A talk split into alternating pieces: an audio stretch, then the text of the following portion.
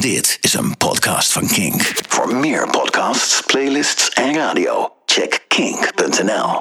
Ik probeer er ook met mijn bands altijd wel over te praten. Van besef ook dat het gewoon inderdaad een showcase festival is. En dat ook mensen die na drie liedjes weglopen helemaal overtuigd kunnen geweest zijn. We zijn ook heel, heel blij met hoe het nu gaat. En gewoon al die aanbiedingen zijn echt super leuk. Maar we gaan, we gaan nergens van uit en vooral geen verwachtingen creëren voor onszelf. Er wordt ook altijd iets gezegd over, van, eh, over je uiterlijk. Van nou, de vrouwelijke of de dit of de dat. Maar je ziet nooit een, een, een review die zegt...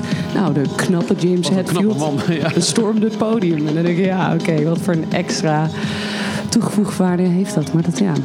Hallo, mijn naam is Michiel Veenstra en ik heet je van harte welkom bij deze Kink Eurosonic Noorderslag podcast. Een driedelige podcastreeks waarin ik je alles vertel over Eurosonic Noorderslag 2019. In deze derde aflevering een opname die we maakten op het festival zelf tijdens Kink Reveal. Een bijeenkomst waar ik alles mocht vertellen over de herstart van Kink. Dat hoor je ook in deze podcast. Wat kun je vanaf 1 februari verwachten op Kink? Maar het gaat natuurlijk ook over Eurosonic Noorderslag zelf. De band Tape Toy speelde tijdens Reveal en zangeres Roos van Tel vertelt alles over hoe het is om zo in de spotlights te staan als busband van het jaar. Caroline Westerdorp is ook aanwezig. Zij was jarenlang zangeres van metalband The Charm the Fury. Ze speelde meerdere malen op Eurosonic Noorderslag, maar is er ook om te vertellen over wat zij op Kink gaat doen. Evenals Leon Verdonschot. Ook hij is op Kink te horen en vertelt een paar smakelijke anekdotes over zijn vroegere jaren als presentator voor het programma Oeverloos, dat terugkeert op Kink. Als eerste is Pien Feit aan het woord. Zij is zelf artiest, maar schuift aan omdat zij werkzaam is voor Friendly Fire. En daarmee meerdere artiesten voor het voetlicht probeert te brengen tijdens Eurosonic Noorderslag. Hallo. Welkom. Hi. Dankjewel. Eh, Pien, eh, jij werkt voor Friendly Fire. En eh, nou ja, voor jou is die zware taak weggelegd om allemaal mensen naar bands te laten kijken. Want Friendly Ja. Fire is natuurlijk een, een bureau dat ook grote festivals organiseert, zoals Best Kept Secret. Mhm. Maar jullie boeken over, jullie promoten ook zelf acts. Klopt. Ja, nou wij zijn boekingskantoor. Dus wij zijn doen de boekingen voor een hele rits aan buitenlandse acts die in Nederland spelen. Maar we hebben ook inderdaad een groot Nederlands roster. En ehm, ja, dan eh, gaan we ook zeker met die act eh, naar Noorderslag. En ehm, ja, ik ben hier ook dit jaar weer met een aantal bands. En ik probeer zo nu in deze dagen van tevoren ook zoveel mogelijk mensen te spreken. En ook naar die shows te krijgen, daadwerkelijk. Want welke bands heb je allemaal onder je hoede? Dat zijn er nogal wat. Ja, is moeilijk. Hè? Dan moet je ook gaan kiezen uit je kinderen en zo. Eh, maar eh, ja, ik vertegenwoordig eh, ja, heel veel Nederlands upcoming talent dus. Dus dat is onder andere dit jaar op Noorderslag The Visual, Kita Menari en J-Way. Op Eurosonic P2 en Pip Blom dit jaar. Maar ik werk ook met Figgy, Nana Adjoa, eh, ja, Waldsburg. Even represent. Slim. Ja, promoting the brand. en ja, vele anderen. Dus Eh, jā, Heb je ook als ex van jezelf die tegelijk spelen? Nou, vorig jaar had ik zeven acts op eh, Noorderslag. en toen heb ik wel even met Joey eh, de kop moeten breken van... eh, hey Joey, kunnen we dit een beetje relaxed doen... zodat ik mijn bands kan zien? Toen zei hij, ja, maar ik ga niet programmeren voor jou, Pien.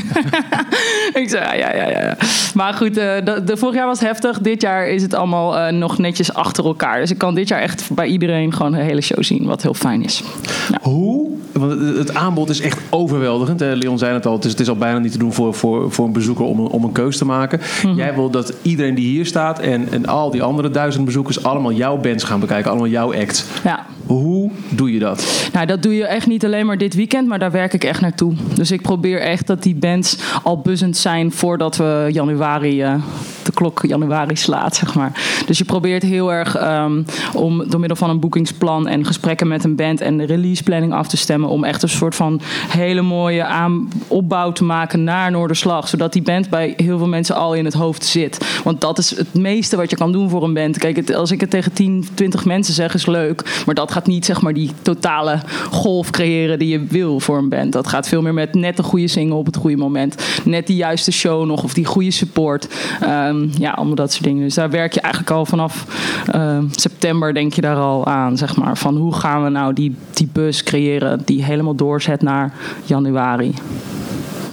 En de, de uitbetaling daarvan is dan dat bij het eerste nummer de zaal vol staat? Ja, zeker. En bij Het liefst een nummer nog rij. steeds? Ja. En bij het laatste nummer nog steeds. Ja, Ja, dat- precies. Ja, al- al is het, ik probeer er ook met mijn bands altijd wel over te praten. Van besef ook dat het gewoon inderdaad een showcase festival is. En dat ook mensen die na drie liedjes weglopen helemaal overtuigd kunnen geweest zijn. Dus eh, probeer het ook niet als te betrekken. Neem het niet persoonlijk, zeg Neem het niet persoonlijk. Want het is gewoon, mensen willen gewoon eh, van die SEP, wat je net zei, gebruik maken om even lekker in die ene avond gewoon heel veel te gaan zien. En wil niet zeggen dat ze het dus niet goed vonden. Misschien dachten ze gewoon na twee nummers, check voor mijn festival, superleuk, gaan we doen. En nog even dat kijken. Nou heb ik eh, eh, voor deze podcastserie ook gesproken met, eh, met Joey en Robert, de Mhm. belangrijkste programmeurs van Stork Noorderslag. En ik hoorde onder andere het verhaal dat op een gegeven moment, een jaar of tien geleden, een groot management had een nieuwe band, de Ting Tings. En Ik heb hem geluisterd, jouw Nou, podcast nou, ook. Ja. Maar dank even verhaal, maar ik haal hem toch eventjes. Anders check vooral king.nl, top podcast. Ehm, ja, ik ben echt ik ben commercieel geworden, jongens. Dat wil je niet weten. Heel goed, heel goed. Ik heb hier ook allemaal sponsors onderaan. Nee, Ja. ehm, het verhaal was even in het kort. De Ting Tings moesten nou ja, eh, een groot eh, eh, publiek aanspreken. Dus ook heel veel mensen die dan voor buitenlandse festivals bijvoorbeeld hier aan het scouten zijn. Mhm. Hoe haal je die binnen? Nou, datzelfde management had ook Queens of the Stone Age in, het, Mhm. in het roster volgens mij. En die zei, joh, willen we daarover praten? Dat jij de Queens dit jaar kunt boeken? Kom even langs, ik ben daar en daar. En daar Mhm. en daar was de showcase van de Ting Tings. Super slim, heel slick. Wat voor trucs heb jij zo al in jouw boekje staan om mensen binnen te halen zonder dat het puur alleen op basis is van ik wil deze act zien? Ja, ik heb nog niet zo'n truc gepoeld, eerlijk gezegd. ik heb ik natuurlijk ook nog niks geen eh, Queens of the Stone Age in mijn roster. eh, het zou leuk zijn.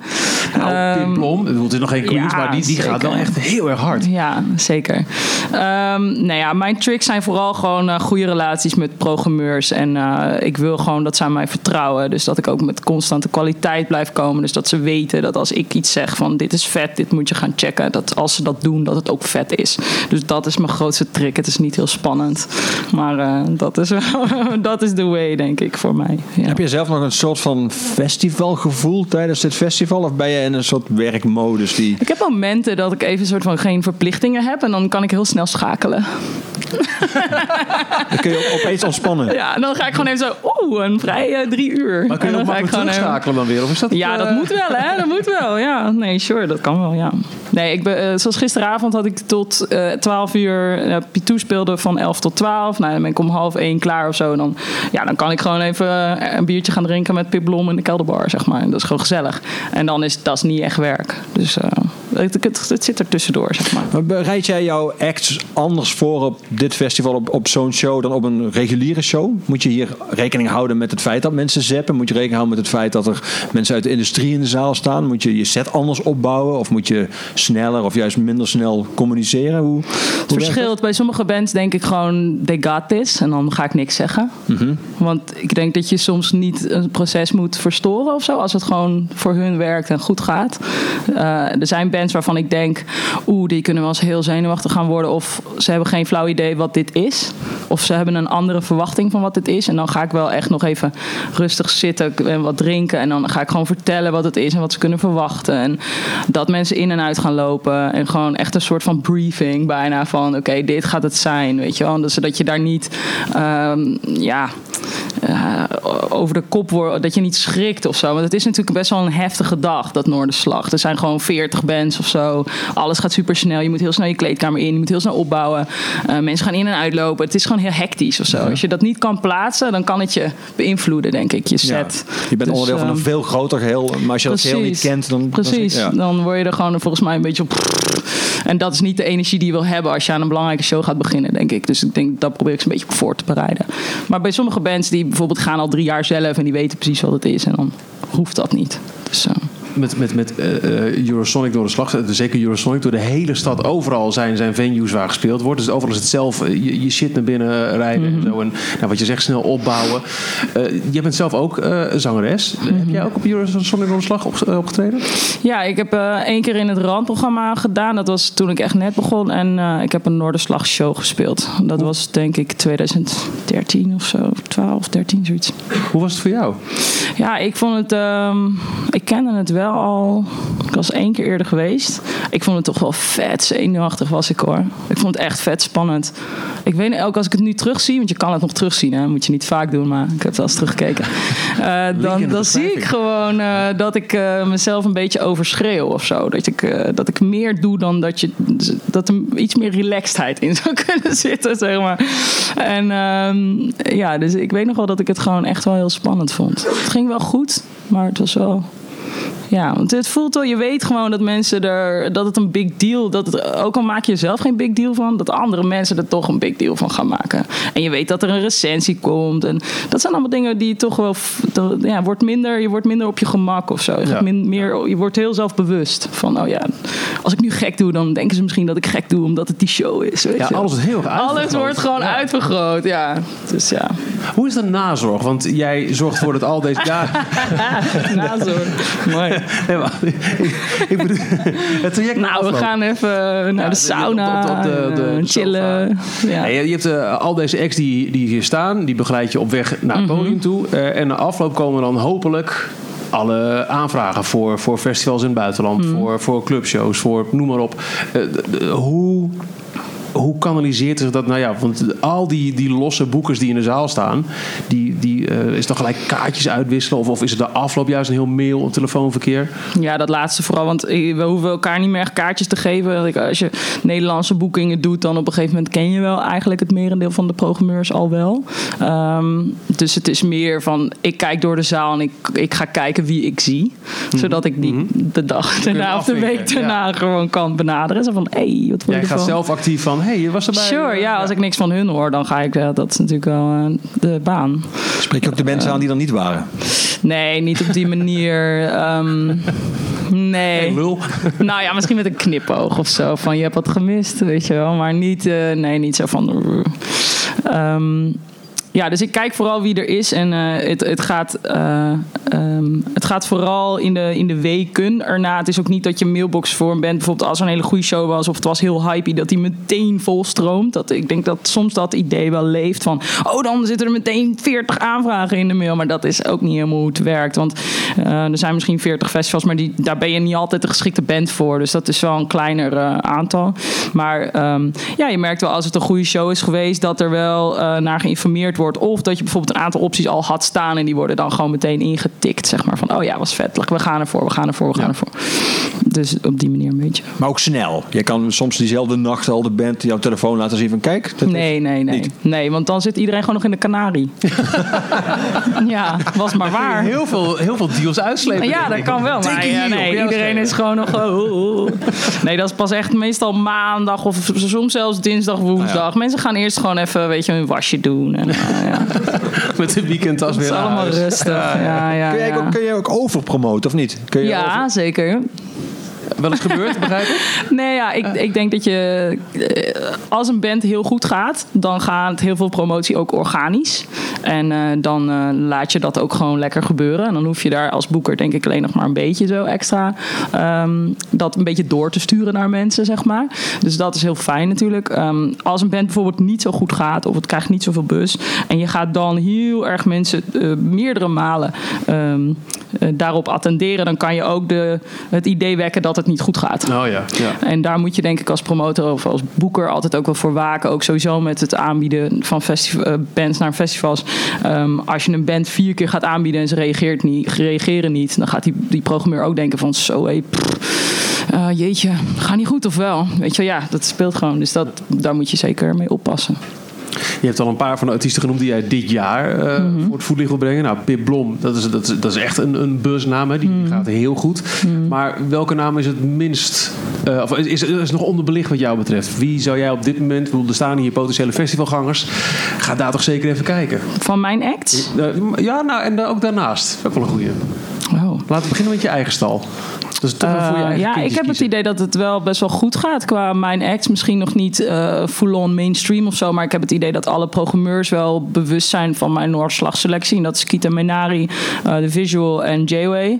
Eh, het zijn toch wel drie namen die ook al wel de laatste jaar zo al ja, best wel around zijn. En mensen zijn die steeds toffer gaan vinden. Dus dat, ik denk wel dat de mensen die hun moeten gaan zien, bewust van ze zijn en ze wel gaan zien. Of al gezien hebben. Ehm, dus ja, ik vind niet dat die per se onderbelicht zijn. Ehm kan ze natuurlijk bij deze nog altijd een beetje extra belichten. Ga ze vooral kijken. Kita Minari, J-Way en eh, The Visual. Eh, verder in het programma, ik vind Kessu, Quessu, die eh, R&B dame, vind ik heel tof. Ik weet niet, komt er niet echt. Ik heb nog niet het idee dat er heel veel over gesproken wordt. Ik vind haar heel tof. Dus het is niet van mij, maar bij deze. Als tweede schuift Roos van Tuil aan. Zij is zangeres van de band Tape Toy. Tape Toy was een van de grote beloftes tijdens de popronde afgelopen jaar. En de verwachtingen zijn dan ook hoog gespannen over wat zij gaan bereiken na het spelen op Eurosonic Noorderslag 2019.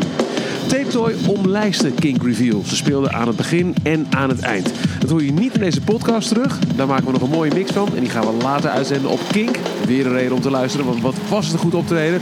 Maar we waren wel benieuwd naar haar verhaal. Hoe is het om zo in de spotlight te staan als de band die het kan maken... na deze editie van Eurosonic Noorderslag? Welkom. Dankjewel. Eh, ja, we maakten net al een klein beetje een geintje over de, de, de hoge druk die eh, op, eh, op de band eh, staat. Als Eh, geintje hoor. Echt. Ja. Nee. Het is natuurlijk wel zo. Ja. Ehm, wanneer is Tape Toy begonnen? Hoe lang spelen jullie al samen? Wij, eh, wij zijn begonnen als een schoolproject. Eh, toen eh, zijn we bij elkaar in een groep gezet van, nou, ga maar muziek maken. En dat was in 2016, eind 2016. Klinkt niet heel vrijwillig. Nou, was het in eerste instantie ook niet. We hadden, we hadden nog nooit samen gespeeld en we, hadden, we kennen elkaar eigenlijk niet. We zaten bij elkaar in de klas, maar we kennen elkaar niet muzikaal niet echt. Eh, en toen zijn we dus voor dat vak zijn we bij elkaar gezet. eh, met ja, maak maar iets. En toen hadden we dat tentamen gedaan en toen waren we klaar. Dachten oh, het is toch echt wel heel leuk en heel gezellig. En toen, zijn we, toen hebben we besloten om, om eh, verder te gaan. En toen hebben een jaartje nog onder de radar echt eh, heel veel gerepeteerd en liedjes geschreven. Met het idee van, oké, als we dan online komen... of als we dan zeg maar de buitenwereld inkomen... dat er dan echt alles ook al is. Dus dat er twee liedjes zijn, foto's, verhaaltje, dingetje, fluppertje. Ja, dat. The Works. Ja, en, ehm, en toen hadden we om een beetje optredens te fixen, hadden we ons ingeschreven voor de Amsterdamse Popprijs. Dus dat was eigenlijk ook onze eerste optreden. Dat was september. Nog voor een schooloptreden? Of? Ja, we hebben het schooloptreden gedaan. Ja, en toen, wel, en toen ja. ja. precies. En toen dat. Dus dat was in september 2017. En sindsdien bestaan wij. Maar toen jullie dan bij elkaar werden gezet, een soort muzikale blind date-achtige manier. Ja. Bleken jullie toen wel muzikale overeenkomsten te hebben in smaak? Of schoot dat alle Eh, kanten op? Dat schiet nog steeds alle kanten op. Ja, we hebben totaal niet één inspiratiebron. Ehm, wat, we, wat we hadden besloten is toen we eh, de eerste repetitie hadden van... oké, wat gaan we doen? We moeten wel een soort richtlijn hebben... want anders dan ben je echt in het wilde westen aan het, aan het schrijven. En dachten we, oké, we willen blij en hard. Nou, dat, Blij en ja, hard. dat klinkt Blij wel heel hard. fijn. En toen eh, hebben we dat in ons achterhoofd gehouden en zijn we vanuit daar liedjes gaan schrijven eh, als een soort kapstokje. Eh, want de drummer die eh, heeft een soort stoner rock achtergrond. Eh, Wesley de gitarist heeft in, in een bluegrass band gezeten. Ik ben een classic CISO singer-songwriter.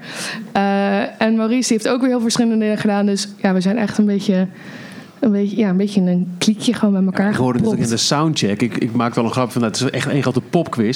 Dat gaat alle kanten. Ik hoorde je een stukje zingen van Wheatus, Teenage Dirtbag. Ja, ik hoorde op een gegeven moment een baslijntje van Doe Maar. Eh, wat heb ik? ik heb nog veel meer dingen. Murder on the Dance Floor kwam nog Ja, even ook nog. voorbij. Ja. Ehm, en ik heb nog een paar dingen heel vals meegezongen. Excuses. Eh, ik zag een, eh, Wesley volgens mij in een Destiny's Child sweater rondlopen. Ja. Waar houdt het op? Ja, nergens denk ik.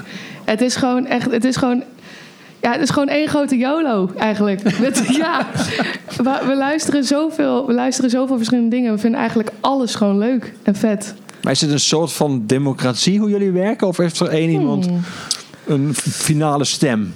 Nee, nee, we doen echt alles met z'n vieren. Dus ook Dus jullie praten heel veel. Uh, ja, we zijn heel veel aan het overleggen. Nee, het gaat allemaal super organisch eigenlijk. Soms dan kom, kom ik met een ideetje of Wesley, of dan zijn we een beetje aan het jammen. En er is niet echt één recept voor hoe wij dat doen eigenlijk. We, ja, we zijn het gewoon heel vaak gewoon met elkaar eens. En vanuit die Amsterdamse popprijs zijn jullie eh, nou, ja, vrij snel, dat was afgelopen najaar, eh, de popronde ingedoken. En dat was, eh, volgens mij was het al een beetje op voorhand de bus. Check, tape toy. Want dat was op voorhand volgens mij al een beetje een belofte, klopt dat? Weet ik niet. Dat hou je niet in de gaten. Le- Nee. Lees je dingen over, je, over jezelf? Ja, er zijn af en toe natuurlijk wel dat er wat artikeltjes voorbij komen van... oh ja, ze spelen ook in deze stad met de popronde, ga ze checken. Maar ja, je, maakt, je ervaart het niet echt als je echt in een bus zit of zo. Ja, Ja, ik heb geen idee. Nee, ik ook niet.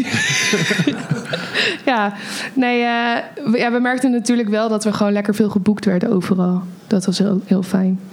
En dan op die eh, belofte spelen. Eh, Nou, veel boekingen. En ook na afloop blijkt het was een beetje toch wel nou, nou, de winnaar van de pot. Dat kun je Ja. nou zeggen. Maar je bent, jullie zijn er goed uitgekomen, laat ik Ja. zo zeggen. En dan met, met dat op zak ga je deze Eurosonic Noorderslag in. Ook hier weer hooggespannen verwachtingen. Mhm.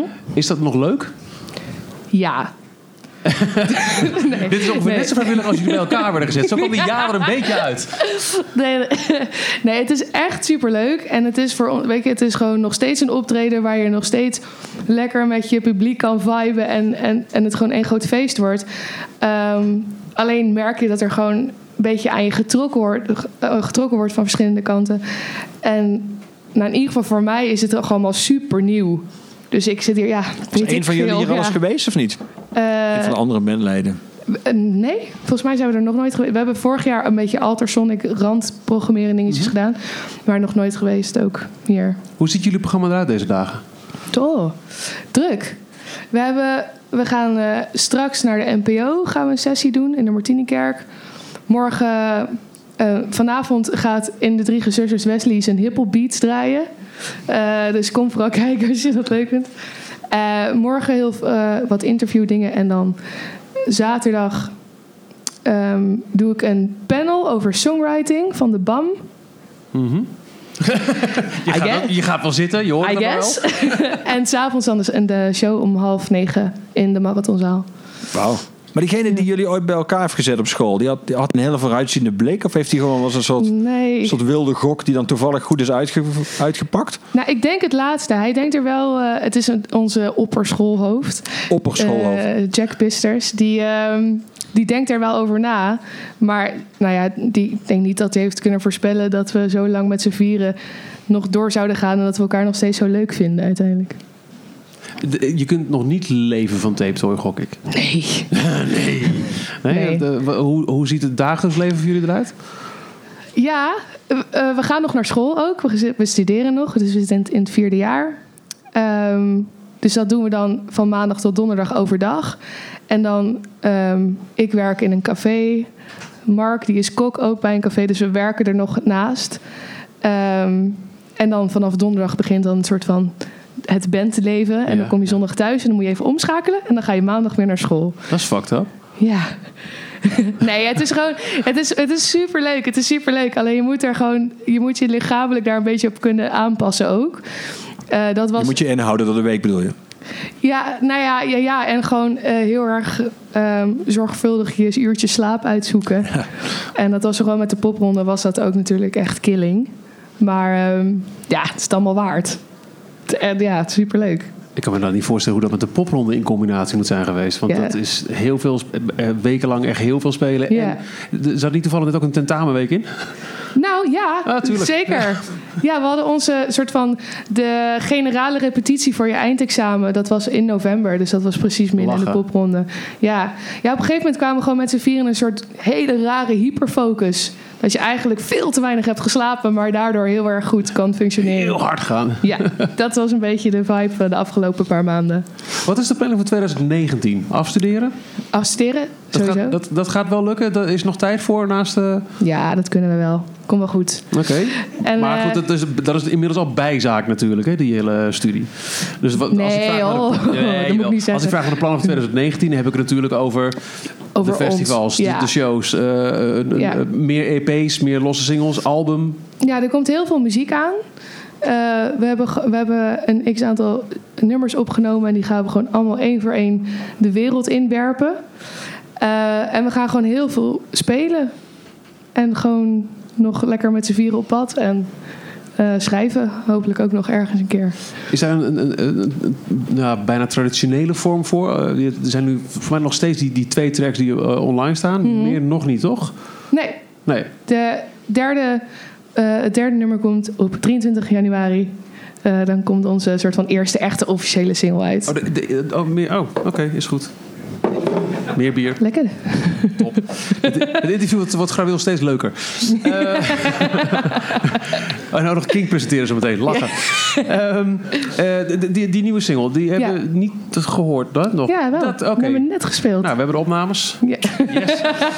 Heel goed. Eh, en, en, maar verder, werken jullie toe naar een, een, een albumrelease? Of is dat echt totaal niet meer waar je mee bezig Het bent? zat heel erg Nee. 2018.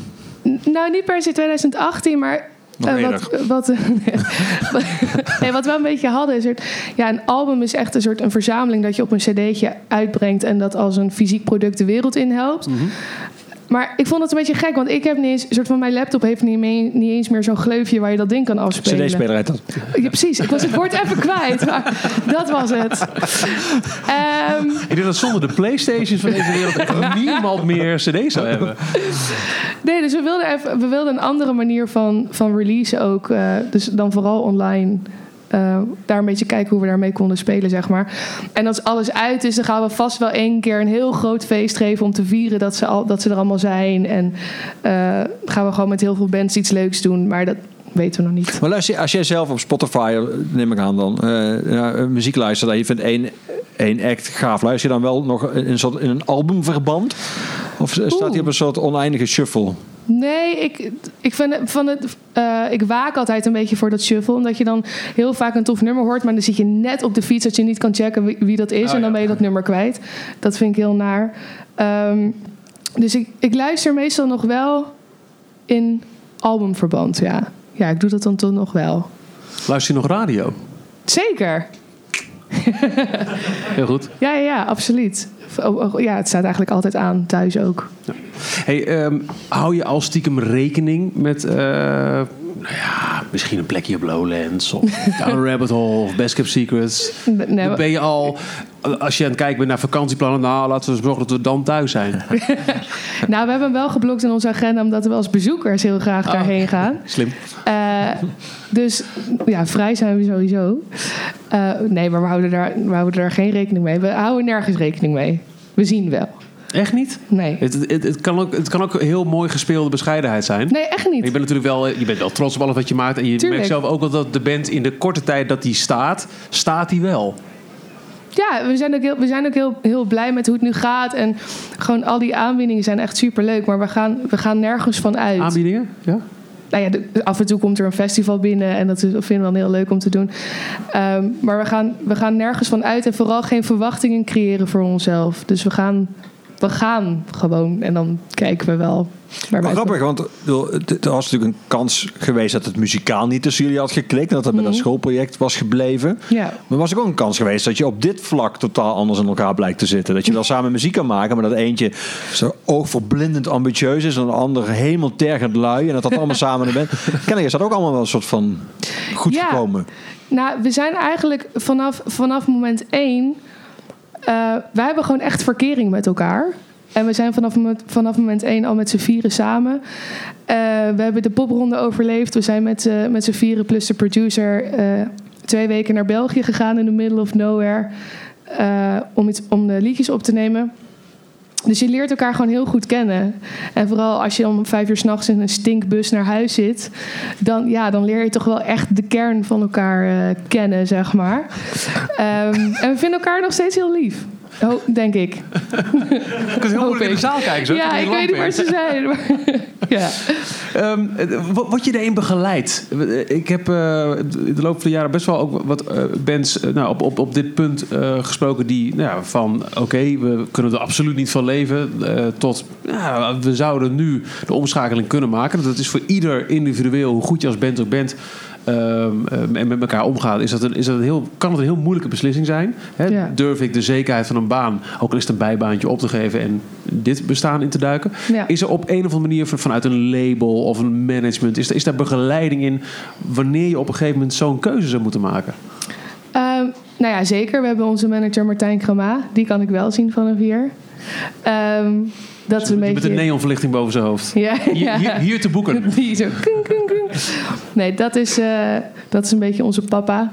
Die, eh, die regelt heel veel dingen en die, en die houdt alles een beetje. Vooral, we zijn alle vier nogal chaotisch. Die houdt dat allemaal lekker ehm, geordend. Maar ja, die, die keuze, die, ja, geen idee wanneer die komt en hoe we dat dan gaan oplossen. Maar wat, wat, wat heel goed eh, werkt, is dat we alle vier.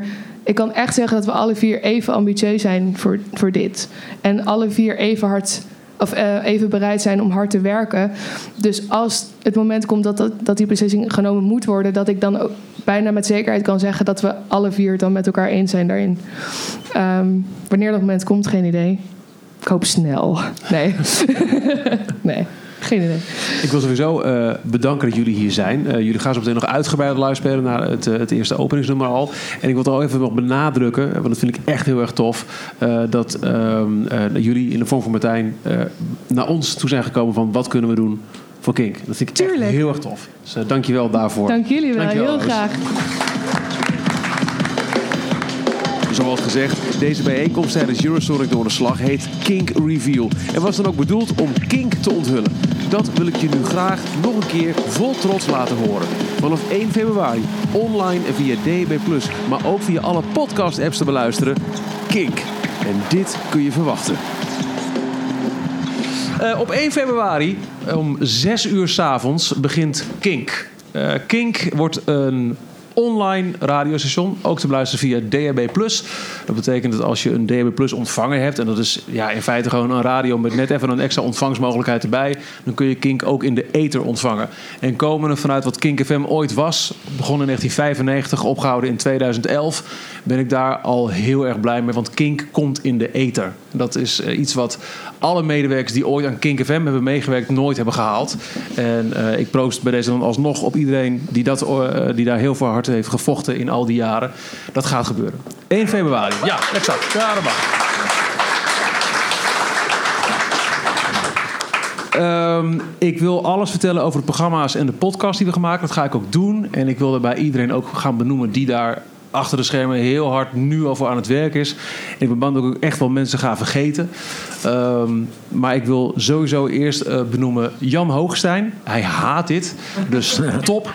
Eh, Jan Hoogstein was in 1995 een van de initiatiefnemers van Kink FM. Eh, voor alle duidelijkheid, het heet niet meer Kink FM. Het heeft nooit op FM gezeten, zal het ook nooit doen prima. Eh, het is Kink, maar Kink FM, de oude incarnatie. Ehm, eh, Jan Hoogstein was een van de initiatiefnemers. In 2015 heeft hij, nadat in 2011 Kink FM was gestopt... heeft hij de merknaam weer eh, teruggekocht. In eerste instantie puur uit emotionele overwegingen. Maar er kwamen toen zoveel reacties op van mensen die zeiden... ja, in godsnaam, laat Kink FM weer terugkomen. Dat hij dacht, oei, volgens mij is er na al die jaren nog steeds vraag naar een radiostation... eh, waar de hele dag door alternatieve muziek gedraaid wordt. En alternatieve muziek is best een moeilijk te vangen term. In 1995, toen het begon, had je heel duidelijk... je had de hitparade pop, je had eh, house en je had eh, alternatieve rock. Dat was van Nirvana tot Blur tot Oasis. was heel duidelijk. Inmiddels is alternatieve muziek een heel breed spectrum. En ehm, misschien wat moeilijk te duiden. We gaan toch een poging doen. Eh, en in de muziek die wij draaien, we zijn er al een klein beetje mee naar de- in de openheid getreden. Afgelopen weken heb je al kunnen zien wat de, hoe de Outlaw 41 eruit ziet. De hitlijst van Kink FM, die, oh, daar gaan we weer. Van Kink, eh, die terugkomt. Eh, dat is al een beetje een, een- een, blauwdruk van wat je overdag kunt horen op de radio. Maar er is veel meer dan dat. En heel veel daarvan zal ook terugkomen in de avonturen en in het podcastaanbod van Kink. Eh, maar in ieder geval dus Jan Hogestein, dankjewel dat je dit achterlijke avontuur weer aangaat. En dat je mij ervoor hebt eh, durven aannemen. Want ik heb er heel veel zin in. Dankjewel Jan.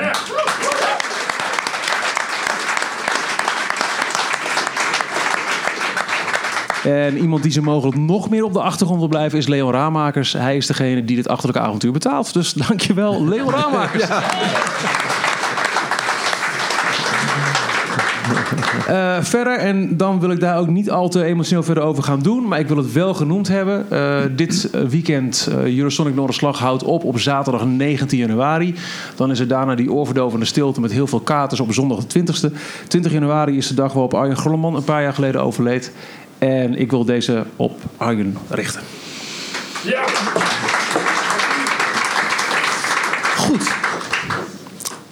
Begint op 1 februari, 6 uur s avonds. Dan gaan we het eerste weekend gaan we vooral heel veel feest vieren. En maandag 4 februari is het uh, dan toch voor het eerst uh, nou ja, aan de bak. En dat geldt voor mij uh, dat ik om 7 uur s ochtends begin met een dagelijks ochtendprogramma. Dat heet Kinkstart. Dat is van 7 tot 10 te beluisteren. met daarin alles wat je moet weten als je wakker wordt. dat is ja, ook het nieuws van de dag. Want er is meer dan muziek. Maar het is ook vooral ook welke muziek moet er gehoord worden. Welke releases zijn er de afgelopen nacht uitgekomen die voor jou interessant zijn. Welke artiesten hebben iets te vertellen. En met welke muziek word je graag wakker. Tussen 7 en 10 Kinkstart. Dan tussen 10 en 12 is er non-stop Kink DNA. De beste muziek uit de rijke geschiedenis van Kink en Kink FM. Dus classics aangevuld met het beste van nu. Tussen 12 en 2, uh, eh, nieuw talent. Zijn naam is Jasper Leegwater. Jasper gaat het programma Kink Break presenteren, het lunchprogramma. En uh, Jasper is net 19 geworden. Uh, maar als ik hem nu al hoor in wat hij weet te vertellen over de artiesten. Het is niet alleen maar alles is goed en alles is fantastisch. Hij kan ook heel eerlijk zijn in wat hij gewoon echt helemaal kut vindt. Dat zal hij dan ook niet draaien. maar Jasper Leegwater tussen 12 en 2. Tussen 2 en 4 komt het programma Kink Workflow. Uh, dat is um, een programma dat wordt gepresenteerd door Tessa Mol. Tessa zou je kunnen kennen van het werk dat ze heeft gedaan voor Kicks Radio. Uh, Tessa is ook een muziekdier puur zang. En zal elke maandag tot en met donderdag te horen zijn op Kink met Workflow. Gevolgd tussen 4 en 7 door ons middagprogramma. Het programma dat gaat over wat kun je vanavond allemaal live zien? Welke artiesten spelen waar? En welke artiesten hebben iets nieuws te melden? Dat hoor je allemaal uit de mond van Jasper Leidens. Jasper gaat tussen 4 en 7 Kink Rush Hour presenteren. Op maandag tot en met donderdag. Op doorweekse avonden, daarna tussen 7 en 9. Ik begin al een aardig. Als het repetitief wordt, dan sorry, maar ik moet even de programmering met je doornemen. Uh, het programma Shift Kink. En dat is een programma met wisselende presentatoren. Uh, elke avond zit daar iemand anders. Uh, mensen die uit verschillende geledingen komen. van andere radiostations. Mensen die bij poppodia werken, maar iets te melden hebben.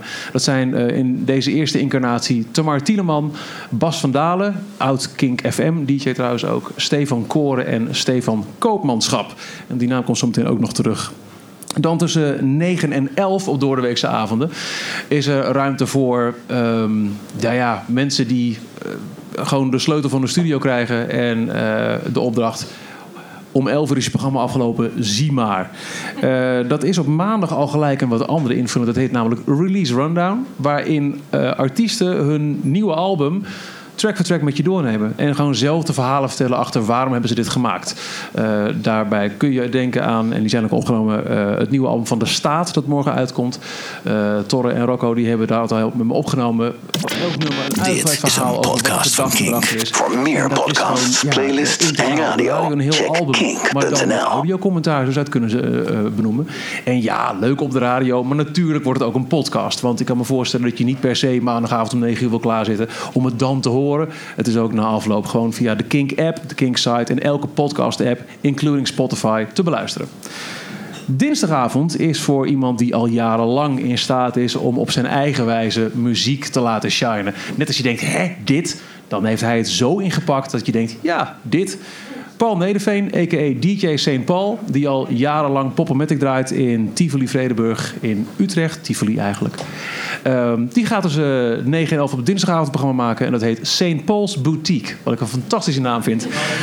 En ook dat wordt na afloop een podcast. Want zo'n eclectische muziekkeuze... die wil je kunnen beluisteren wanneer je maar wil. Op woensdagavond tussen 9 en 11 een oud Kink FM bekende, Henk Canning, maakt daar een programma. En dat programma dat maakt hij ook nog een keer vanuit zijn positie in de clubscene waar hij helemaal in zit, in het poppodia circuit. Uh, de naam was uh, Henks Wondere Woensdag uit mijn hoofd. Maar in ieder geval Henk Canning op woensdagavond. En dan is de donderdagavond, en daar ben ik heel blij mee, iemand die nog nooit radio heeft gemaakt. Uh, de afgelopen dagen heel veel in de studio zitten oefenen. En er elke keer met zo'n smile uitkomt. En zo meteen ontvangen we haar, want zij heeft nog veel meer interessante dingen te vertellen. Haar naam is Caroline Westendorp. Zij is jarenlang zangeres geweest van metalband The Charm, The Fury. Die band is gestopt. Zij zoekt toch een uitlaatklep voor die takkenherrie die ze graag draait. En dat gaat ze doen in The Heavy Show. Elke donderdagavond tussen 9 en 11. Op vrijdag hebben we een iets andere programmering. Dan gaat Jasper Leegwater één uurtje langer door tot drie uur. Om drie uur de Outlaw 41. Om drie uur s middags, vijf vrijdagmiddag. Gewoon drie uur lang de beste muziek van nu. Jasper Leiders presenteert de enige echte... Het was altijd de shitlist, werd het genoemd door Kink. Maar het is gewoon een lijst met fucking goede liedjes. Uh, gevolgd door, en daar ben ik ook heel blij mee... iemand die ook de Kink-muziek heel diep in zijn hart heeft zitten. Hij maakt nu, en dat blijft hij ook voorlopig doen... Uh, tot ik hem echt helemaal weghaal... Uh, elke ochtend de ochtendshow op L1 in Limburg. Tim Op het Broek is zijn naam. Hij gaat op vrijdagavond tussen 6 en 9 het Kink Café openen. Dat gaat hij onder andere doen door elke week te kijken welk speciaal biertje past bij de muziek van nu. Dus uh, top. ik verwacht heel veel aanloop in de studio. Niet drinken bij Mengpaneel, Tim. Uh, en het is van 6 tot 9. Gevolgd tussen 9 en 11 nog door ook iemand die ik er heel graag bij wilde hebben. Zij maakt onder andere nu radio op, uh, op Ice Radio. Femke van der Veen maakt tussen 9 en 11 daar een programma. In het weekend uh, zijn er nog beperkte programma's. Dat wordt uiteindelijk meer. zaterdag en zondag tussen 12 en 3 presenteert Tim, die ook de vrijdagavond doet, Weekend Kink. Op zaterdagmiddag een jongen uit Rotterdam die ineens oppopte. Ik had nog nooit van hem gehoord, maar fuck, wat maakt hij goede radio? Roger Fletcher, die ook heel erg kijkt naar de modern rock charts uit Amerika, wat voor hem echt een ontzettende uh, hobby is. En zondagmiddag tussen 3 en 6 zit daar Carlijn Hubrechtse, die ook uit de Kicks Radio stal komt. En dan is er nog één programma, en dan gaan we zo meteen wil ik nog de podcast met je doornemen voordat ik ook met Carolien ga praten. Maar er is nog één programma wat ik nog niet heb genoemd. Dat is zondagochtend tussen 10 en 12. Dat is een tijdstip dat al eerder jou paste als ja, fit like a glove. Uh, beste Leon Verdonschot. Het programma Oeverloos komt terug. Ja. Ik hoor yes. Welkom bij King Leon. Dankjewel, dankjewel. Ben heel... Uh, voor mensen die Oeverloos niet kennen. Nou, het is ongeveer wat ik net deed, hè? Komt geen einde aan. Nee, precies. Hey, Oeverloos uh, was uh, het uh, interviewprogramma van King FM op zondagochtend. Na een tijdje nog op zondagavond. waarbij ik één gast twee uur lang ontvang. Die, waar ik mee praat. en die ook muziek meeneemt. uit zijn of haar eigen platenkast. Aangevuld met wat muziek die ik wil laten horen. En aangevuld met nog wat muziek die we bij King veel draaien. Je kan tussendoor draaien. Precies. Ja. Uh, en die gast komt uh, uit uh, literatuur, uit, is een dichter, is een popmuzikant, is een denker, is iemand die een boek uit heeft. Soms zijn het acteurs of cabaretiers zijn er al een paar keer geweest. Ehm, maar in ieder geval iemand die iets te vertellen heeft. Vertellen heeft over zijn leven, vertellen heeft over werk en te vertellen heeft over muziek. en dat twee uur lang.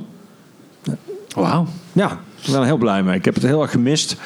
Ik heb daar eh, hele dierbare herinneringen aan. Aan alle mensen die in Oeverloos zijn langsgekomen. Mensen die er in sommige gevallen zelfs niet eens meer zijn inmiddels. Uh, mensen die soms eh, heel vaak terugkwamen. Dat het gewoon fantastische vertellers waren. Dat is natuurlijk iets repetitiefs. Zowel in literatuur als in popmuziek. Er sommige mensen die interessant van hebben. Drie jaar later weer een nieuw boek of een nieuw album. Dus sommige mensen zoals André Manuel of Anneke van Giersbergen, uh, die, die, die zijn wel twee of drie of zelfs vier keer in Oeverloos geweest in al die jaren. Uh, er zijn ook mensen die ons inmiddels zijn ontvallen. Uh, Joost Wageman is twee keer in, Oeverloos te gast geweest. Luc de Vos, mijn grote held, de zanger van Gorky. Um, en dat vind ik zelf heel bijzonder. Oeverloos had ook een dichter. De eerste vijf jaar was Rick de Leeuw. Sloot iedere uitzending af met een gedicht. Daarna was dat Daniel D., de Rotterdamse dichter. En de, het nieuwe Oeverloos op het nieuwe Kink krijgt ook een dichter. Um, die helaas niet meer is. Uh, maar iedere uitzending van Oeverloos zal eindigen met de stem van Luc de Vos. Iedere uitzending van Oeverloos eindigt met een nummer van Gorky. Ik hoor cool en yeah nice. Nou, blij mee. Ik ben ook heel blij dat je, dat je nou eigenlijk als een van de eerste ook weer op het moment dat duidelijk was dat Kink terug zou komen Hallo.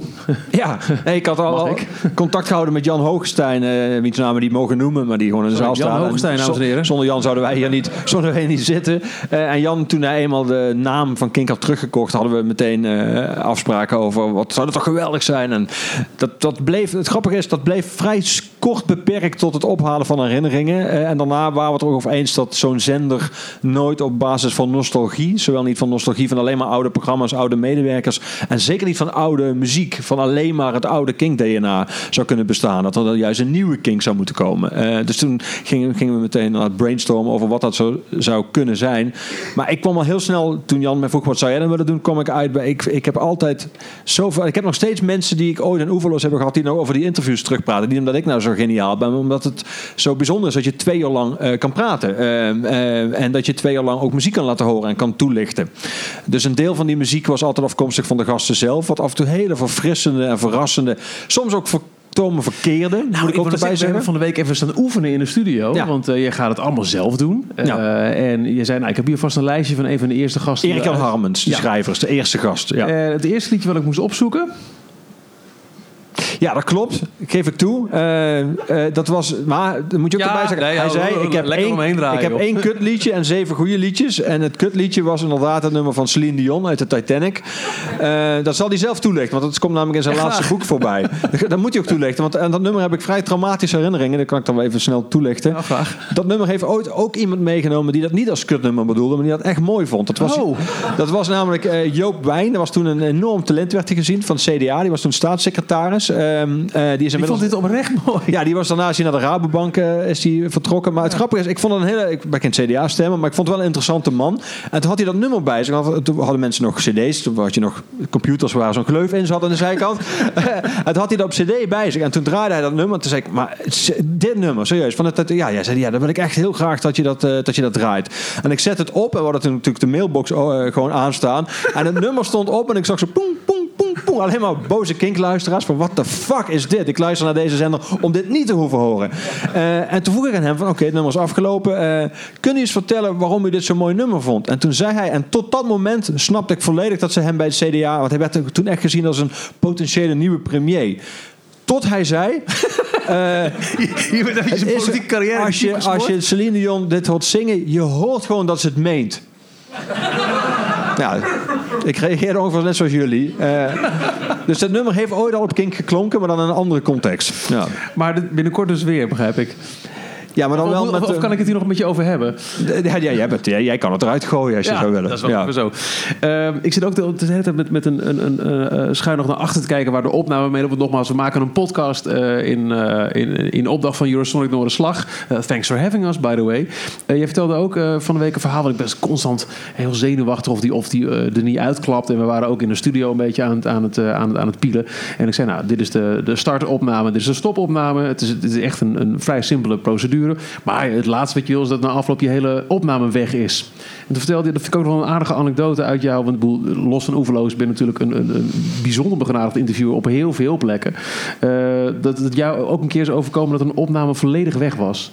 Ja, dat, gaat wel, dat is bij Oeverloos wel eens wat misgegaan, uh, technisch. Ik heb zelfs een litteken van Oeverloos, uh, letterlijk. maar... Nou, Mark-Marie Huibrechts was ooit te gast in Oeverloos. Althans, die zou te gast zijn. Uh, en die had ik toen zelf benaderd. En dat ging normaal via zijn management. En toen had hij daardoor had hij die afstand in de agenda gezet. En toen zaten we in de Sint... Uh, weet je, Barbarastraat in Harkema. ja. Ja, wat, uh, wat Harkema daarna is gaan eten. Inmiddels is het weer een... een is het volgens mij de is het een van de uh, biertent geworden. Uh, maar we zaten toen beneden, een hele mooie plek. Maar toen zou Mark-Marie Huibrechts komen. En toen kwam die niet. Hij was, het, was de afspraak vergeten. Dat is een vrij groot nadeel van een radioprogramma dat draait op één gast. Zonder gast is er geen radioprogramma. dus dat was, een, dat was gewoon een kut uitzending. Ik heb eigenlijk twee jaar lang plaat gedraaid en verteld dat Mark-Marie Huibrechts niet zou komen. En toen belde ik hem daarna op. En, om, en toen zei hij, oh ik vind het zo erg, ik vind het zo erg. toen zei hij, zeg maar wanneer ik opnieuw kan komen. En toen kwam hij dus een, een nieuwe datum. Um, en toen was hij er weer niet, dacht ik. Uh, en toen, we hadden toen, dat pand was best wel oud. Je beneden van die wc's met zo'n klemmende deuren. En toen was ik even, ik ging even snel naar het toilet. En toen wou ik, dacht fuck, hij is er weer niet. En toen wou ik door die deur lopen. Uh, of ik wou die deur met mijn schouder open doen. Maar dat was, die was van glas. En toen ging ik door de deur heen. Dus ik had zo'n grote uh, splint, zo'n grote glas, glas, zo'n glasding in mijn schouder. Tuurlijk. En ik kom naar boven. Maar ik had zoveel adrenaline dat ik het niet eens had gezien. maar hij was hey, er dus gewoon. Dus ik kwam de studio binnen en ik haalde dat ding eruit. En toen begon ze te te bloeden. Hij zo, ah, ah. En zat hij zo in de King FM stoel. En toen zei ik, niet over praten, niet op de radio. We gaan gewoon beginnen nu. En toen hebben we de hele uitzending gedaan. Maar inmiddels was ik, en toen ging, we waren net voor huis. En toen ging onze technicus in Amsterdam op de Wallen, die ging toen kijken, want we hadden de, alles was verhuisd behalve de verbanddoos. uh, dus toen ging hij in de buurt ging hij kijken of er ergens verband te krijgen was. Maar op zondagochtend in het Wallengebied, het enige wat open is, is coffeeshops. Dus kwam hij terug met van die extra grote vloeitjes, maar dat hielp niet echt tegen een mond. En toen zei Mark Marie op het eind van de uitzending van, ja, ik wil toch nog iets zeggen. Dit is de laatste uitzending van het programma, want eh, de presentator is de afgelopen twee jaar doodgebloed, recht tegenover mij. En toen kwam ik erachter dat mijn telefoon had ik per ongeluk in alle hectiek niet uitgezet. En mijn moeder zat mee te luisteren. En mijn moeder hoorde dat en die belde mij in paniek op. Dus je hoorde nog super knullig in de studio de telefoon van de presentator overgaan. En daarna bleek dat ik naar het ziekenhuis moest en het kon het niet meer gehecht worden. Dus ik heb sindsdien een echte, authentieke oeverloos. Nee, want hij is inmiddels weggetatoeëerd. Maar ik heb een, onder die tattoo zit een, een echte oeverloos Maar goed, deze anekdote was op weg naar een anekdote over een opname die uh, in de soep was gelopen. Oh, Pim Fortuyn. Ja, die heb ik oh, ooit geïnterviewd. en toen, toen op minidisc was dat nog. En als je dan op stop duwde, stond er store. En deze keer stond er error. En toen was het hele interview weg. En ik had niks op band. En vijf dagen later was hij dood als er ooit een keer een gast afbelt, ik heb zo het vermoeden dat jij gewoon prima alsnog de uitzending zelf kunt vullen, Leon. Nee, ik vind het echt heel erg leuk om met mensen te praten over. Uh, en ik vond het ook echt grappig, want er zijn best wel wat mensen in, in Oeverloos geweest die eigenlijk helemaal niet zoveel met kink hadden. Maar af en toe vroeg ik ook politici als er, iets als er iets interessants aan de hand was. Dus bijvoorbeeld Hans van Balen van de VVD, ja, die kende kink helemaal niet, die kende mij niet, die wist helemaal niet waar hij terecht kwam. Dus die, die, stuurde gewoon een bericht van: ik wil uh, om, uh, die woonde in Den Haag, ik wil om negen dan opgehaald worden. Die ging ervan uit, die, die was de NPO gewend van die hebben geld voor taxis. En, ah, ik heb nieuws. Ja, dus ik ook. Dus ik ging hem zelf halen. Uh, en toen zaten we in de auto, had hij zijn boterham, zat hij naast me de stoel. En toen was ik alvast een beetje met hem een soort van voorbereiden aan het praten. En zeiden we even van, maar u weet wel veel van het onderwerp. Wat grappig. En dat voor de chauffeur. Ik zei, ik ben niet de chauffeur, ik ben uw presentator. Uh, we hebben geen geld voor chauffeurs. En hij oh, oh. Dus ja, ik heb daar heel leuke herinneringen aan. Dus ik heb er ontzettend veel zin in. elke zondag tussen 10 en 12 oefenloos. Ik zal zorgen dat er een verbandrommel staat voor je. Dankjewel. Leon van Donschot. Dankjewel. De laatste gast in Kink Reveal is een van de mensen die je kunt horen op Kink vanaf 1 februari. Elke donderdagavond met de Heavy Show en elke week in de metal podcast Kink Distortion. Carolien Westendorp. Hallo. Hi Carolien. Hi. Welkom. Welkom bij Kink. Ja, dankjewel. je, je moet haar hebben, werd, uh, we op een gegeven moment gemaild. En, uh, en haar, toen uh, kreeg ik een, een, een, paar links door van optredens van The Charm the Fury. Uh, befaamde metalband. Die niet meer bestaat. Die niet meer bestaat. Nee, morsdood. Je moet over heel veel, heel veel dingen hebben. want je gaat radio maken bij Kink. Je gaat eindelijk weer eens een keer een fatsoenlijke metal podcast maken. Want dat is lang geleden. Kink Distortion. En jij hebt inderdaad ook als artiest meerdere malen opgetreden tijdens Eurosonic Noorderslag. Klopt. Waar wil je het als eerste over hebben? Of bepalen wij dat eigenlijk? Dat is, uh, dat is jouw vak meer. Nou, je hebt uh, Oeverdoos gepresenteerd. Dus, ja. Uh, ja, dan bepaal ik het zelf. Maar dan leg ik die vraag ook niet voor. Als je me oh. voorlegt, dan, dan, dan heb jij er wel iets over te zeggen. Voor, dat heb je in de gaten. en stil. Oké. Okay, ja. nee, allereerst, welkom bij Kink. Jij was van de week was je in de studio. Die, oh, zo, in eh, het begin van deze reveal, tof dat jullie er nog zijn trouwens, uh, heb ik een paar namen genoemd van mensen die toch absoluut niet mogen ontbreken in uh, als het gaat over zonder uh, hen zou Kink er niet zijn. en hij is er ook niet, want hij is aan het werk. Dion Postdijk is de held die alle voorgaande edities van Kink FM de studio's heeft gebouwd, draaiende gehouden en alle fantastische vormgeving heeft gemaakt. Dat doet hij ook voor deze editie weer. Hij levert een achterlijke klus. Hij hoort het niet, maar fucking hell, Dion Postdijk. En in die prachtige studio die hij heeft gebouwd, kwam jij volgende week voor het eerst eens eventjes aan wat knoppen zitten? Nou, ik heb echt twee slapeloze nachten op zitten. Het is echt verschrikkelijk. Echt waar, ja? Nou, het is, uh, het is een, uh, een extreme Ik heb dit nog nooit eerder gedaan, dus ik zag dat mengpaneel. En dit was, het was eigenlijk heel erg logisch. Schrijf je één, schrijf je twee, vier aparte bedjes. Oh, je hebt toch twee extra microfoons voor je gasten. Nog drie knopjes daar. Het lijkt logisch, maar ik heb nachtenlang alleen maar zitten herhalen. Oké, schuif één gaat aan als je gaat praten. Wil je een bedje onder, doe je kaartje twee erbij. Wil je een interview, moet je die computer... Nou, Kijk, ik, ik, ik, ben al jarenlang een carrière aan het opbouwen... met mensen laten denken dat het heel ingewikkeld is... maar het stelt echt helemaal niks voor. Het is denk ik een beetje als leren fietsen. En het grappige is, ik zat in de auto terug en radio te luisteren. En er was een soort van weddenschap. Oké, jij neemt mijn baan over, ik neem die over. En zei uh, de DJ, ah ja, maar dit is gewoon als leren fietsen heb je zo onder de knie. Toen dacht ik, oh, dit is een het is wel it's waar. a sign. Ja. Ja. Maar het is ook wel iets waar, waar ik voor kink in geloof. Ehm, niet alleen maar willen zoeken naar mensen die heel erg gelikt radio maken... en die wauw, wauw, wauw, een beetje de DJ uithangen. He, je moet wel, je, het moet wel aanhoorbaar zijn. Maar het gaat vooral om mensen die ik geloof als ik naar ze luister. En die me ook dingen kunnen laten luisteren waar ik misschien niet naar was gaan luisteren als zij me er niet op hadden gewezen. En ik denk dat jij zo iemand bent die dat heel erg goed kunt. Um, nogmaals, jij komt uit de metal scene, The Charm of the Fury. Uh, acht jaar heeft de band bestaan? Ja, acht jaar. Kun je in het kort uitleggen voor mensen die nog niet van die band hebben gehoord, wat was The Charm the Fury? Uh, The Charm the Fury. Ooit begon, begonnen we eigenlijk een soort van als een vriendengroepje. Uh, ja, de vriendengroep die metal maakte. En het was een beetje een uit de hand gelopen hobby geworden. Want we dachten, ja, metal, wat voor een platform heb je daar nou voor? Uh, maar we kregen snel aandacht omdat er een vrouw in de band zat die grunte. Um, is tegenwoordig niet meer een uitzondering. Maar nou ja, acht jaar geleden waren mensen zo gauw van... nou ja, hoe, een vrouw, nou laat maar zien. Dus we kregen heel snel aandacht. Toen dachten we van, hmm, nou, dat is eigenlijk best wel... het gaat best lekker. Uh, dus eigenlijk uitgegroeid tot een redelijk goed lopende metalcore band. Moet ik het dan ook echt juist zetten, uh, zeggen. Metalcore is eigenlijk een beetje een crossover tussen punk, hardcore en metal. Um, en verschillende platen uitgebracht. Eerst op Listenable Records. En het leuke is, we hebben die vent ontmoet. De platenbaas hier op Eurosonic toen we in 2014 hier speelden. Uh, en daarna overgestapt naar Nuclear Blast. Wat eigenlijk wel best wel een bucketlist dingetje was. Want nou, dat label heeft Machine Head, Slayer onder zoede gehad. Uh, Steel Panther, persoonlijke favoriet ook. Super vet. Um, heel veel gave dingen gedaan. Lowlands, Pinkpop. Een beetje grunten en schreeuwen en koprollen maken. En dat allemaal op een podium. Te gek. En uh, hoeveel van die acht jaar was jij helemaal klaar met de term female fronted metal? Ja, eigenlijk al vanaf moment één. Okay. Ja, ja.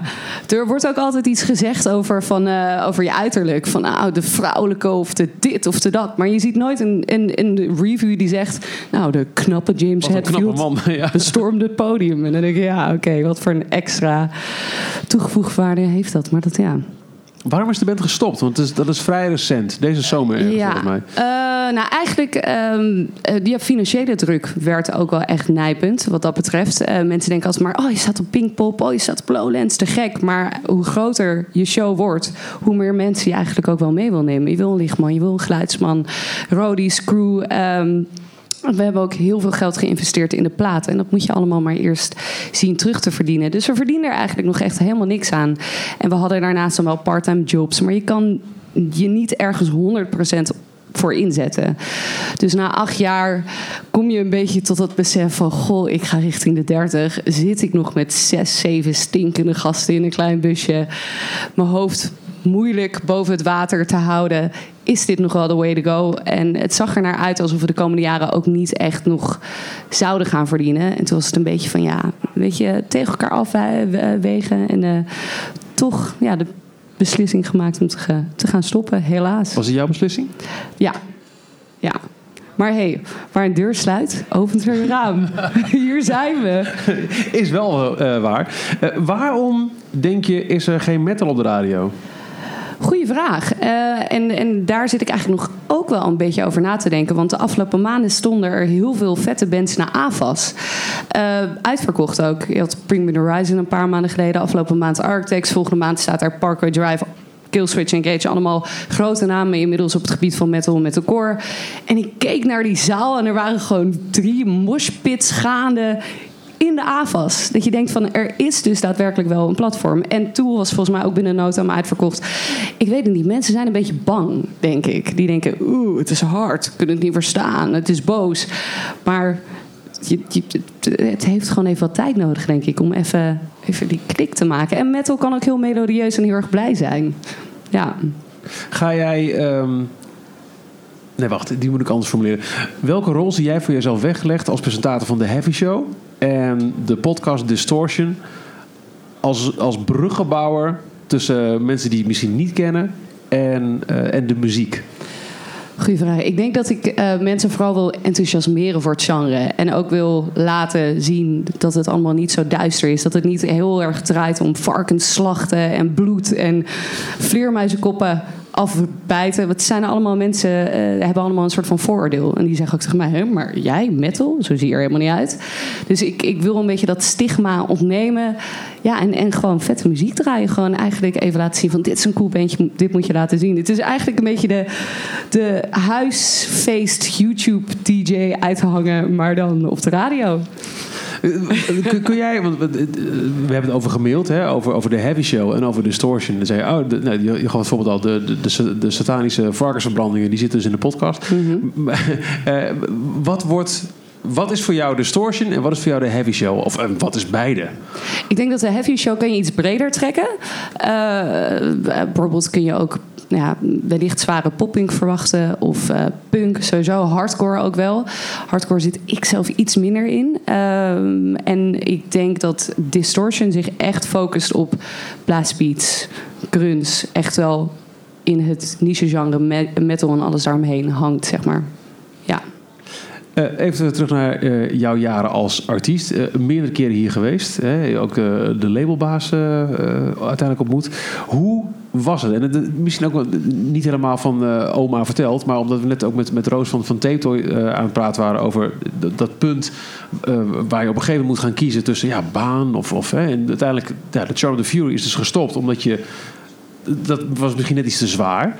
Um, hoe hoe, hoe ga je dit festival in? Is, is dat al gelijk toch een hoop om het wel te halen? Om, om wel de, die voltijd uh, artiest te worden? Ja, het, ja je begint uh, met, met een passie. En het liefste wil je dat je van je passie je werk kan maken.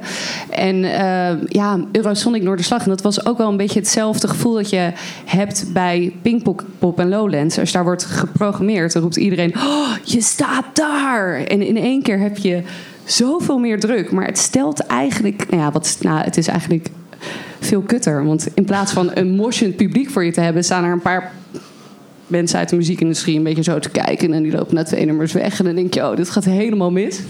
Maar ik denk dat Eurosonic is een soort van... Noordslag is een, uh, een keurmerk. Als je hier staat, dan heb je in ieder geval die stempel veelbelovend. En dan is het nog maar aan de promotors en de boekers... om even langs te droppen en te kijken of ze het echt wat vinden. En in die zin, het feit dat je hier al staat... dat is al een, een nou, iets moois op zich. En dan nog even via een, goede show die dingen binnenharken. Dat is dan eigenlijk een kers op de taart. Ja. Heb je dat nog door? Jullie waren een tamelijk explosieve live band. Heb je dat nog door als je staat? Ik kan me voorstellen als je opkomt dat je dat voelt, dat er een ander publiek staat, dat er mensen staan die praten in zinnen als van ja, ik vind het wel goed, maar is het urgent? Dat het publiek. Oh maar dan heb je dan niemand door als je helemaal begonnen bent, of wel?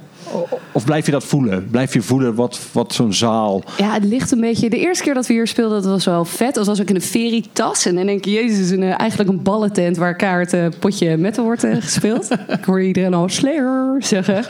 maar uh, daar, daar ging de moshpit eigenlijk vanaf moment één ging los. En je zag daaromheen wel een paar grijze dakduiven staan. Die een beetje zo moeilijk zaten te kijken van wat is dat. Maar het, het verschilt per show eigenlijk. We speelden ooit ook eens een keer een showcase in Los Angeles. Met een paar Nederlandse bands ook via Buma Rocks. En dat was met uh, Mandrake's Monster en met John Coffee ook.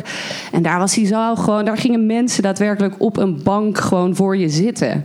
Dus het, het verschilt gewoon heel erg. Maar dit is natuurlijk veel toegankelijker ook voor het jonge publiek. En mensen willen hier ook gewoon vet coole bands checken. Dus uh, hier merkte je het minder. Dat, uh, ja, dat maar jij, zoals, jij was volgens mij dan bij Architects of niet in de AFAS? Ja. Maar als je daar dan drie moshpits ziet verspreid over die zaal, heb je dan nog een soort van heimwee naar die zes stinkende mannen in jouw busje? Absoluut niet. Oh, moet ik niet aan denken. Ja, het is echt heel erg dat ik het zeg. Ja, ja want, dan, want dan loop je daar achter rond en je, en je ziet gewoon weet je, die gasten na twaalf uur in een busrit stinkend die bus uit rollen en die hebben niet geslapen en die hebben een kater van drie weken drinken. Maar ook jij wel fris? Wat zei je? Rook jij wel fris dan? Nee, eigenlijk ook niet. Ja, je ruikt elkaar op een gegeven moment niet meer. Maar uh, nee, het is tijd om, uh, om, om uh, een nieuw hoofdstuk in te gaan. Is de, de Nederlandse metal scene gezond? Nou, oeh, is een Nederlandse metal scene. Ik heb een beetje het idee dat het een beetje is doodgebloed de afgelopen jaren. Toen ik tien jaar geleden in uh, Amsterdam... Moet je bent niet stoppen, lekker. oh, toen ik tien jaar geleden uh, op een vrijdagavond iets wilde doen in Amsterdam... had je altijd iets in de Cave, in de Panama. Uh, en je had altijd gewoon best wel een goed bandcircuit. Maar dat is op de een of andere manier even helemaal gestopt. En ik heb het idee dat ook heel veel bands onlangs zijn gestopt. Death Addy, Birth of Joy is natuurlijk niet echt metal. Maar het is wel, ik heb wel het idee dat er... Um, ja, dat het ook misschien door uh, subsidie, ja, subsidie terug te draaien... dat er gewoon ja, het is, het is gewoon moeilijk. Ja, het is echt lastig. Dus misschien kunnen we het weer aanzwengelen. Nou, ik vind het echt te gek dat jij met uh, de Heavy Show en met Distortion... daar volgens mij een ontzettend belangrijke rol in kunt spelen. En dat je dat wil doen bij Kink. Dus ik wil je heel erg um, nou ja, nogmaals welkom heten. En uh, succes wensen vanaf donderdagavond... naar de eerste donderdag van februari uit je hoofd. Donderdagavond tussen 9 en 11 uur s avonds op je radio. Je kan het niet bereiken via Plus in de ether. Super vet. De Heavy Show.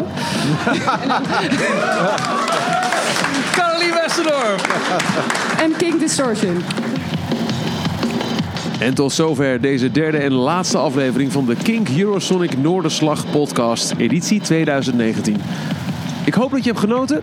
Blijf Kink volgen in de podcast apps en via kink.nl. En de binnenkort te lanceren Kink app voor veel meer podcasts. En natuurlijk ook Kink op de radio. Vanaf 1 februari. Graag tot dan. Dit is een podcast van Kink. Voor meer podcasts, playlists en radio, check kink.nl.